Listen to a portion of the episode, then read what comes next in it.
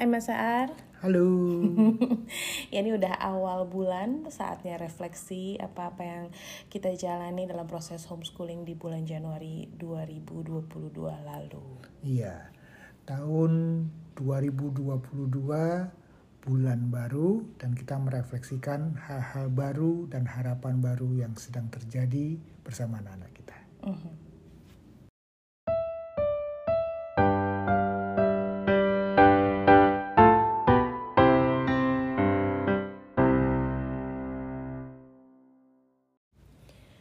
Jadi Januari itu bulan harapan. Betul. Biasalah awal tahun, awal ya. tahun. Tapi ya memang bulan yang penuh harapan sih. Iya, kita betul-betul mengalami ya bulan ya. Januari ini banyak sekali harapan terkait kehidupan kita maupun proses-proses homeschooling yang terjadi anak-anak kita.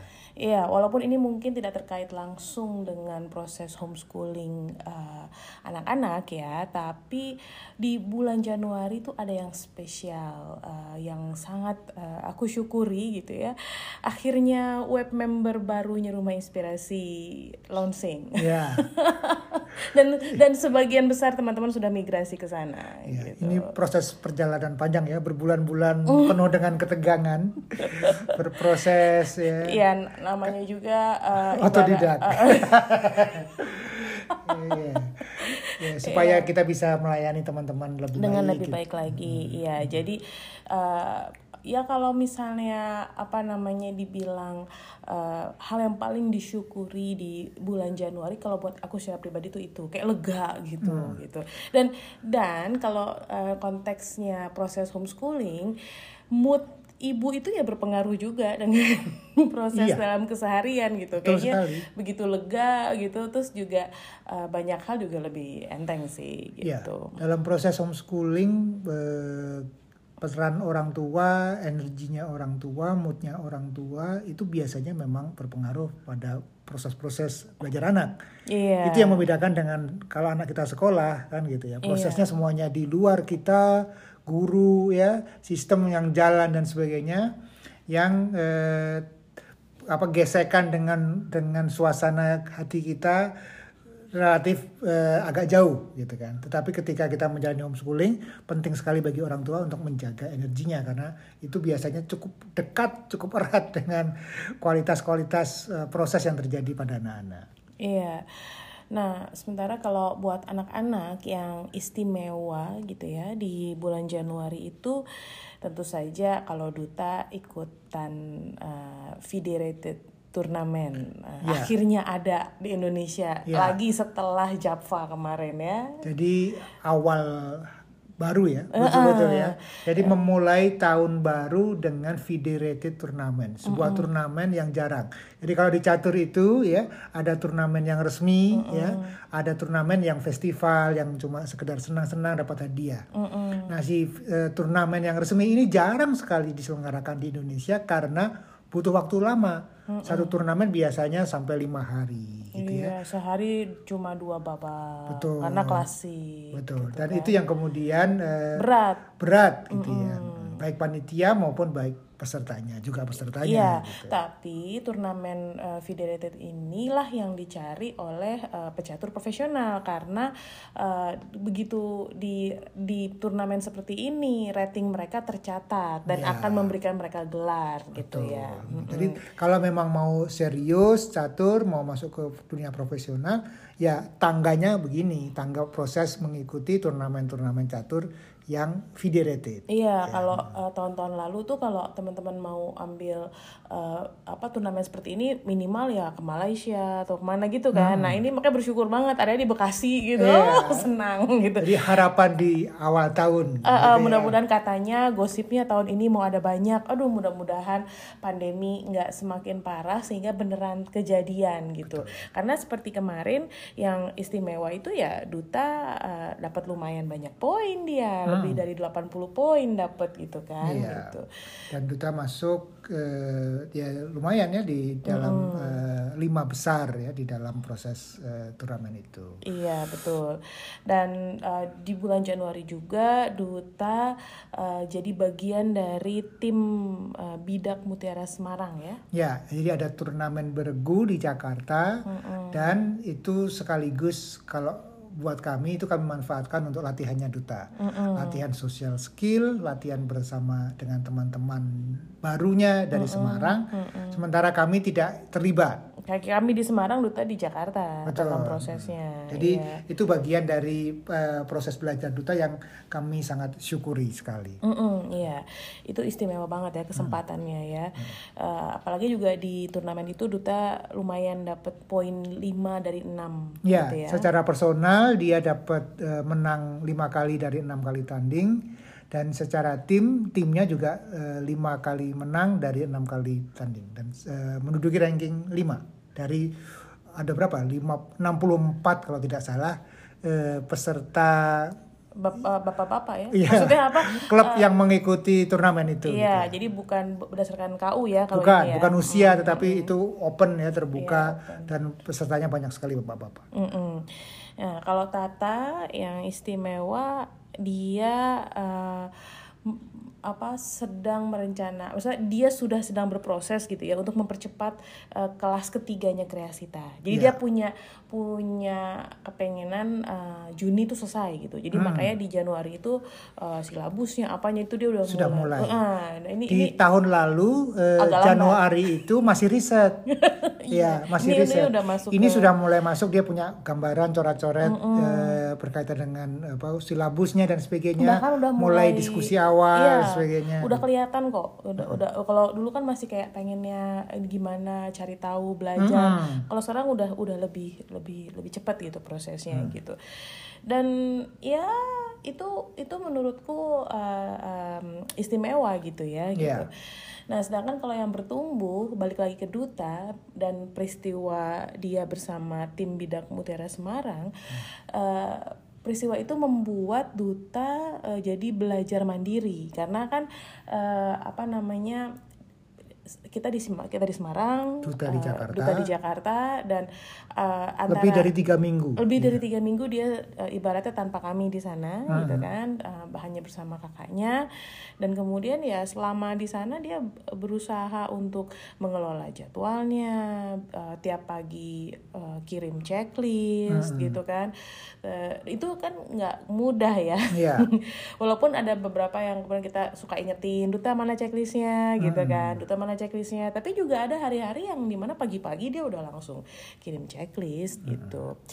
Terus juga eh, yang sangat bertumbuh tuh memang di di sisi kemandiriannya ya dia eh, bisa jalan ke tempat turnamennya sendiri. Terus Iya. ada juga turnamen yang di mana dia masih diantar Yudis tapi dia semua yang pesen. Ya, dia di pakai handphonenya, dia pesen Yudis cuma ya, ibaratnya kayak ambulan itu- saja. Ya, dan kemudian bayar tol dan sebagainya Itu dia, dia belajar atur. Sendiri.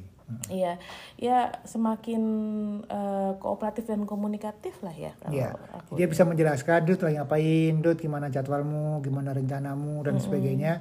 Dia bisa menjelaskan. Dan buat kami itu sebuah hal yang bertumbuh, gitu Iya, ya, sebuah hal iya. yang luar biasa. Mungkin ya di usianya banyak anak-anak yang memang sudah jauh lebih mandiri gitu kan. Tapi kalau buat duta, buat kami ini tangga yang yang sangat berkembang gitu dari sisi Iya. eh, dia gitu. Jadi ya. proses penting dalam homeschooling adalah membandingkan anak dengan kondisi dia sebelumnya. Betul. Jangan dibandingkan sama anak yang lain, dengan kakaknya, iya. ya, dengan temennya dan sebagainya, dengan usia yang lain dan sebagainya. Nanti akan stres.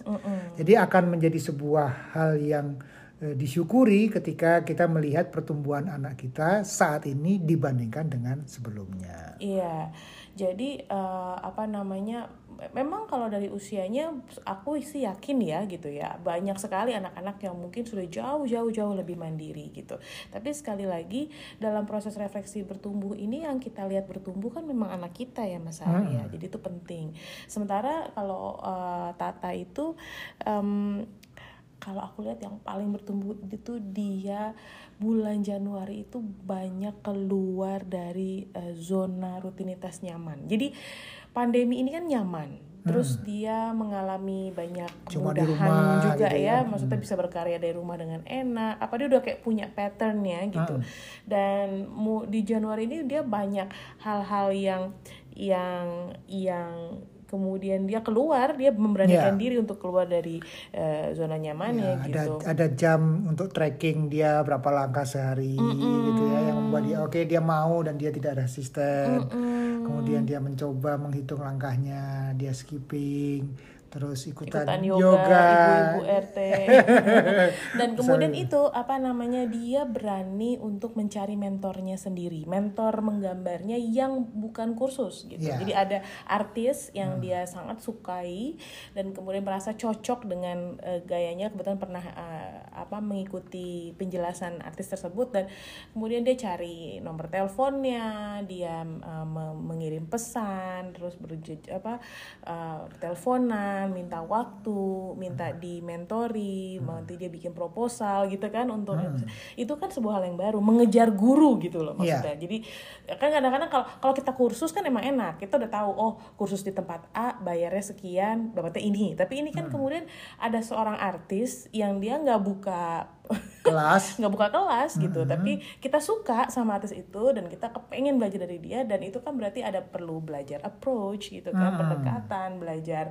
uh, kemudian gimana cara dia membawakan kan belum tentu diterima juga kan Iya. gitu. walaupun dia mau bayar tapi belum tentu mau juga belum kan tentu kan. itu artisnya sibuk gitu kan kenapa aku mau ngajarin kamu gitu. Nah siapa kamu? siapa kamu ya dan dan dia berani eh, untuk itu sih menurutku eh, itu kemajuan karena mm, apa dia kan pemalu sebenarnya dari sisi itu kan gitu. Ya dan juga apa mengenali ya mengenali dia mau ngapain sih gitu. Iya, itu kan karena- sebuah hal yang Iya, tidak karena kan ditanya, mudah, emang gitu. kamu mau ngapain? Kamu eh, targetmu apa? Berarti kan itu kan Iya.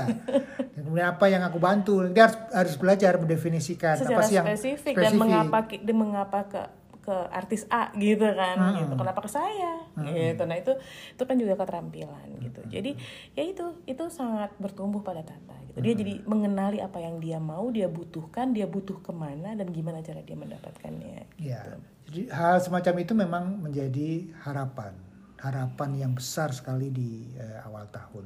Ya, duta dengan kemandiriannya yang bertumbuh, ya dengan eh, pandemi yang mulai turun dan mudah-mudahan makin turun ini ya. walaupun tadi sih baru Walaupun baca berita katanya mau naik, naik lagi, aduh. kayak ya. Tapi eh, mudah-mudahan sih akan membaik gitu ya, Mudah-mudahan. makin stabil. Dan itu berarti kesempatan melakukan perjalanan keluar, event-event offline akan semakin banyak.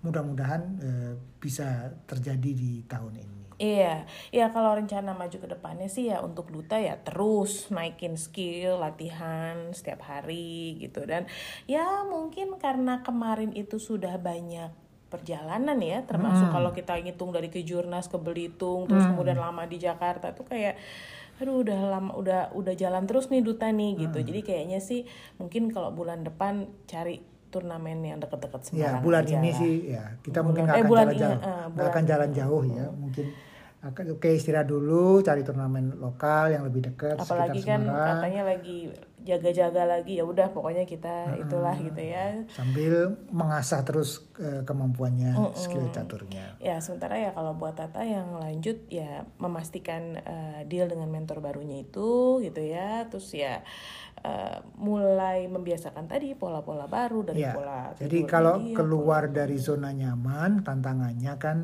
apakah ini akan menjadi kebiasaan Atau dia balik baru, lagi. atau dia balik lagi ke kebiasaan lama. Jadi di Januari udah mulai keluar dari zona nyaman, ternyata benar-benar nggak nyaman. Jadi balik lagi gitu ya. sangat mungkin kan? Sangat mungkin Sangat dan orang dewasa kan juga begitu. Nah, tugas kami adalah menemani prosesnya gitu ya supaya dia tetap terus bertumbuh. Mudah-mudahan akan terbangun pola-pola baru, kegiatan-kegiatan baru menjadi zona nyaman baru ya untuk dia terus bertumbuh. Iya, oke. Ya, begitulah eh, refleksi kita di Januari. Mudah-mudahan lebih Ya, baik lagi. sekali lagi teman-teman sekalian, kalau kita bicara homeschooling, eh, kita perlu membangun pola, ya.